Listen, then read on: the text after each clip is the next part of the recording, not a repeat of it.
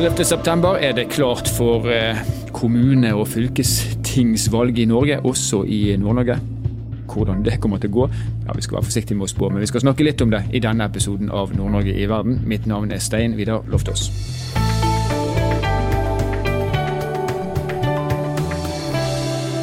Øystein Solvang har vi fått med oss i studio akkurat nå. Han er doktorgradsstipendiat i statsvitenskap ved UiT, Norges arktiske universitet. Og han fordyper seg altså i valg, for å si det litt sånn populistisk. Og hjertelig velkommen til oss, eh, Øystein. Tusen takk.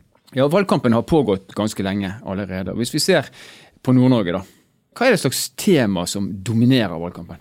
Det er selvfølgelig veldig mange eh, saker som kommer frem. Og det, det, er jo en naturlig konsekvens av at det er jo ikke ett valg. Det er jo, hver kommune har, har sitt valg og har sine sine saker og sine personer eh, som diskuteres. Eh, den siste tida har det vært veldig mye oppmerksomhet om utbygging av Melkøya, med implikasjonene for uh, utbygging av kraft, kraftlinjer. Og det er jo også en del av, av en større eh, sak, ikke sant, med, som, som følge av et, et, økt kraftbehov i samfunnet. Så har jo også den, den siste tida har jo Uh, har det også vært noen uh, skandaler på nasjonalplan. Og spesielt nå når valgkampen får fullt i gang, så, så mobiliserer jo også de nasjonale partiene. Og det finnes vel ikke ett entydig svar kanskje på hva som dominerer valgkampen, men, men, men det, det, er noen viktige saker. Eh, og så er jo selvfølgelig eh, samferdsel er jo alltid veldig aktuelt når vi snakker om lokal- og, og fylkestingsvalg.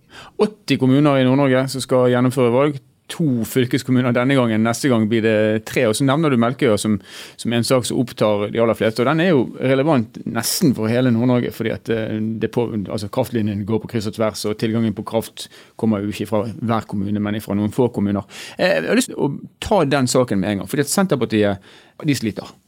Ja, ja. Det er vel ikke å, å dra for hardt i, nei. Og Det var to år siden, så gikk alle piler motsatt vei for dem. Og så har de altså kan man si, levert på at de skal reversere de forskjellige reformene. Eh, de har levert på ja, gratis ferger, eh, lavere, altså lavere skatt for eh, tiltakssonen, avskrivning på studielånene økt osv. De har på en måte levert på mange av de tingene de sa de skulle levere på. Og så faller de som en stein. Ja. Uttak er verdens lønn. Hva som gjør det?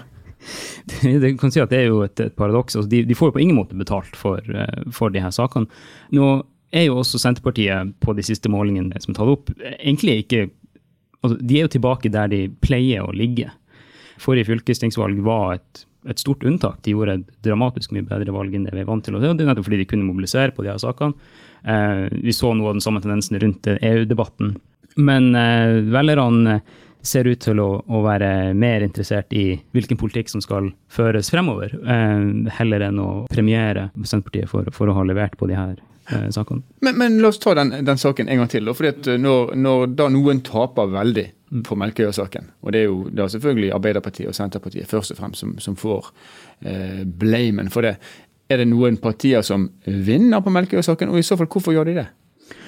Ja, eh, det er jo noen partier som har, har markert seg veldig tydelig som motstandere av, av Melkøya-saken. Og i Finnmark så er det jo Fremskrittspartiet spesielt som, som skiller seg ut med å gjøre, gjøre, det veldig godt på de her målingene. Samtidig så er det, det er vanskelig å si at, at Melkøya-saken eh, isolert sett har så mye å si for Senterpartiet. altså i hvert fall i, Finnmark, der vi har litt, litt bedre tall enn, i resten av landsdelen, så så vi jo at eh, Senterpartiet har nesten ikke gått tilbake fra en måling som ble tatt rett etter landsmøtet i Senterpartiet vedtok at de var mot elektrifisering. Slik at den direkte effekten, i hvert fall av denne siste kunngjøringa, den ser vi ikke veldig tydelig. I hvert fall ikke hos Senterpartiet, kanskje heller litt mer hos Arbeiderpartiet, som, som fortsetter å gå tilbake. Da. 80 kommuner, eh, Øystein. Vi skal selvfølgelig ikke gå inn på alle. Men hvis vi kan si noe overordna om noen av de, og kanskje da de store kommunene. Hva er det slags bevegelse vi ser der? De overordna trendene vi ser, er jo at eh, regjeringspartiene går tilbake. Eh, mens de, de, borgerlige partiene går frem. Og så er det jo en del, en del forskjeller mellom byene og mellom regionene her. I hvert fall i den, den siste sånn, fylkesmålinga som er tatt opp. Så er det, er det, spesielt Senterpartiet som går tilbake, og Arbeiderpartiet går også litt tilbake, eh, spesielt opp i Finnmarka. Og eh, Høyre går opp, da, også særlig Fremskrittspartiet eh, lengst i, i, nord. Så det er liksom de, de overordna trendene. og det er jo eh, det skiller seg jo litt, men ikke så mye fra det vi ser også på, på nasjonalplan. Hvis vi går tilbake igjen til, eh, til, de store temaene. Jeg har nevnt det allerede når jeg snakker om Senterpartiet eh, i sted. Altså regionreformen. Det ble mobilisert veldig rundt regionreformen, og, og Senterpartiet kom med sine løfter etter stortingsvalget. Kommer vi til å se noen form for bevegelse som en konsekvens av det, eller er det på en måte nå et tilbakelagt eh, kapittel? Det har jo vært eh, sporadiske diskusjoner om eh, kommune- og fylkesstrukturen, men, men, det har jo i hvert fall så langt ikke blitt en, en stor sak i, i, valgkampen. Men nå er det jo vedtatt hvilken struktur vi får fra nyttår av. Så har jo regjeringa tatt initiativ eh, i Kristiansand, eh, en, en prosess knytta til en, en, mulig oppdeling der. Men det, det, er jo sånn sett et tilbakelagt kapittel. Det er jo, jo oppløst og vedtatt hva vi får. Eh, men samtidig så, så, tenker jeg jo eh, at det, det, er jo naturlig at det her vil bli en sak eh, som, som, vil komme opp igjen. Men den har ikke så langt fått den store oppmerksomheten i denne valgkampen. Det har det ikke.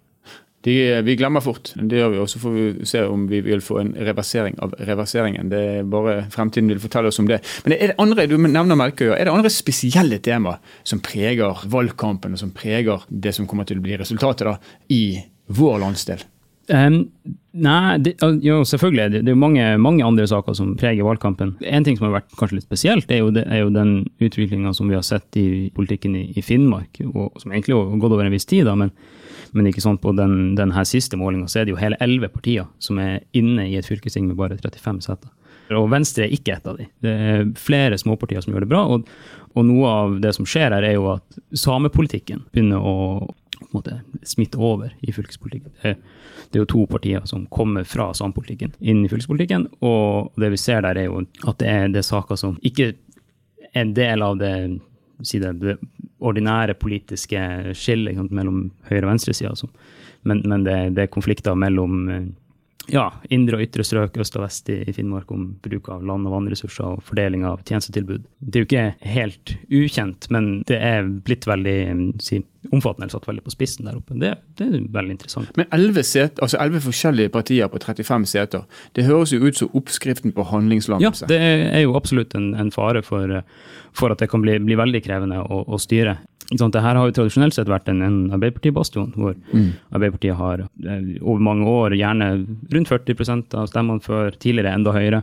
Men, men, det vi ser nå, sant, er jo at de er jo eh, nede på lavt på 20-tallet og en koalisjon her som må ha flertall, i hvert fall etter den siste målinga, er vel en fire-fem partier, litt avhengig av hvilke partier du, du ser til. da. Så det, det, er klart at det jo, kan bli en utfordring å få til et styringsdyktig flertall i en, i en sånn forsamling. Men Dette er jo eh, en trend vi har sett de siste årene, også på, faktisk på stortingsvalget. Absolutt. Altså det, det dukker opp ettsakspartier, kan man kanskje si det. Vi kjenner til Bompengepartiet, vi fikk eh, Pasientfokus, het vel, ved forrige stortingsvalg. Eh, fremveksten av ensakspartier.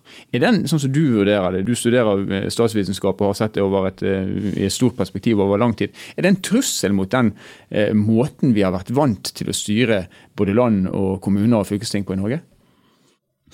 Både og. Kan tenke på den ene siden at Det er positivt at eh, flere preferanser kommer inn i det politiske systemet, og at velgerne får muligheten til å velge langs langs flere akser, det er jo egentlig det. Mm. Eh, og det er jo heller ikke, ikke helt nytt. Ikke Vi har jo denne høyre-venstre-aksen som i utgangspunktet er en, en, politisk akse, men den har jo aldri hatt monopol i det norske systemet. Du har jo f.eks. hatt en sånn sentrum-periferi-dimensjon som har vært veldig sentral i, i, norsk politikk.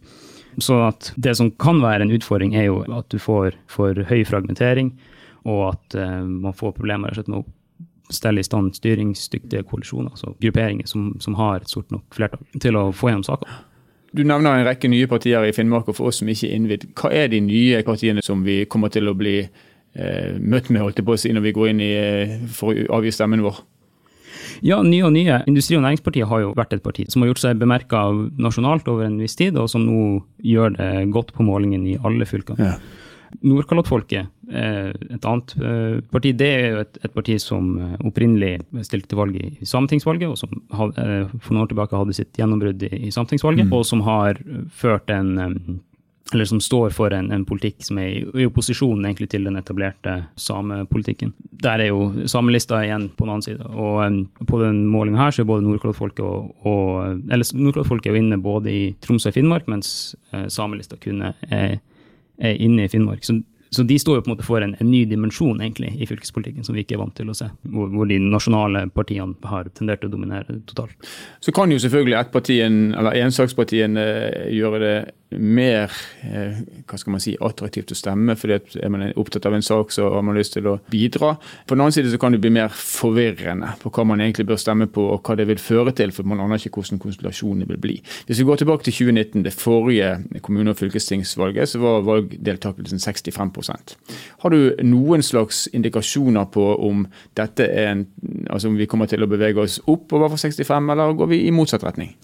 Ja, det er utrolig vanskelig å spå valgdeltakelse. Eh, så, men, men, man kan jo spekulere litt med utgangspunkt i de trendene som vi har sett over tid. Og valgdeltakelsen forrige kommune- og fylkestingsvalg var jo den høyeste på dette siden årtusenskiftet. Og det er jo nærliggende å knytte det til at eh, kommune- og fylkessammenslåinger ble en, eh, en viktig sak som mobiliserte mange og skapte Eh, økt oppmerksomhet om ja, spesielt kanskje fylkespolitikken, men, men, også i mange lokalsamfunn var jo det her utrolig viktig. Samtidig så har jo gapet i valgdeltakelse mellom kommune- og fylkestingsvalget økt over tid, og er jo i dag ganske stort, på rundt 4 prosentpoeng. Så eh, det er jo ingen indikasjon i at eller ingen stor, sånn tydelig indikasjon på at det kommer til å snu. Men om valgdeltakelsen vil gå tilbake til det som har vært vært normalen de, de, siste årene på rundt 60% i kommunestyrevalget og 56 der omkring i fylkestingsvalget, eller om, om på det, det, boostet som vi så forrige valg, om det vil vedvare, det er litt vanskelig å si, men, men det er kanskje en, en slags retur. Det er jo det mest nærliggende, tenker jeg. Og så har vi meningsmålingene. Og de meningsmålingene som, eh, som foretas, de er, det er ikke noe nytt i det. Men de siste årene så har man kanskje til en viss grad sett at meningsmålingene ikke nødvendigvis gjenspeiler det som blir resultatet.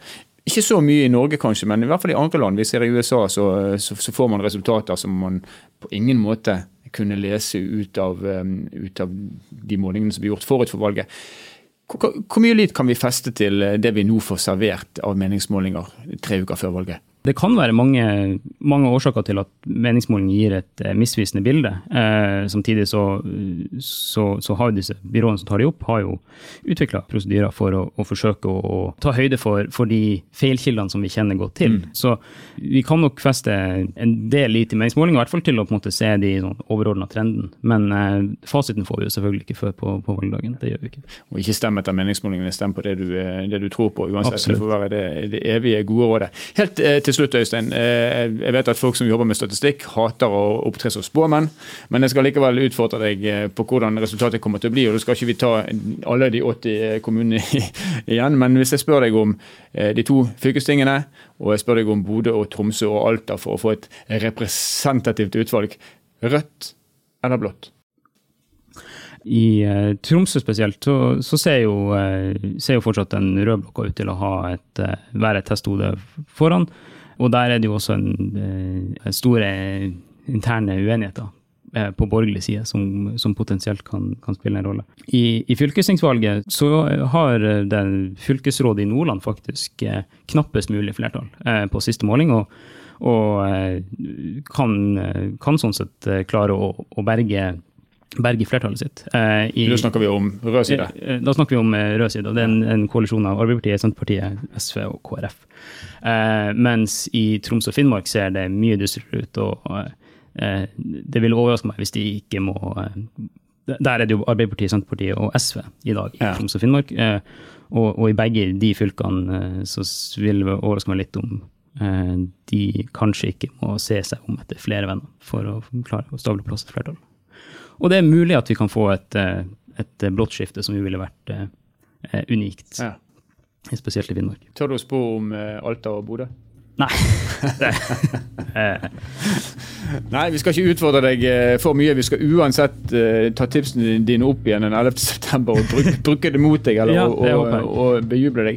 Vi får ikke svaret før uh, 11.9. er passert.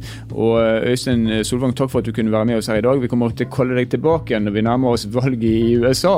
Uh, det er heldigvis over et, et år til, men det kommer til å bli spennende det også. Men nå er det Norge det handler om. Takk skal du ha. Tusen takk for at vi kom.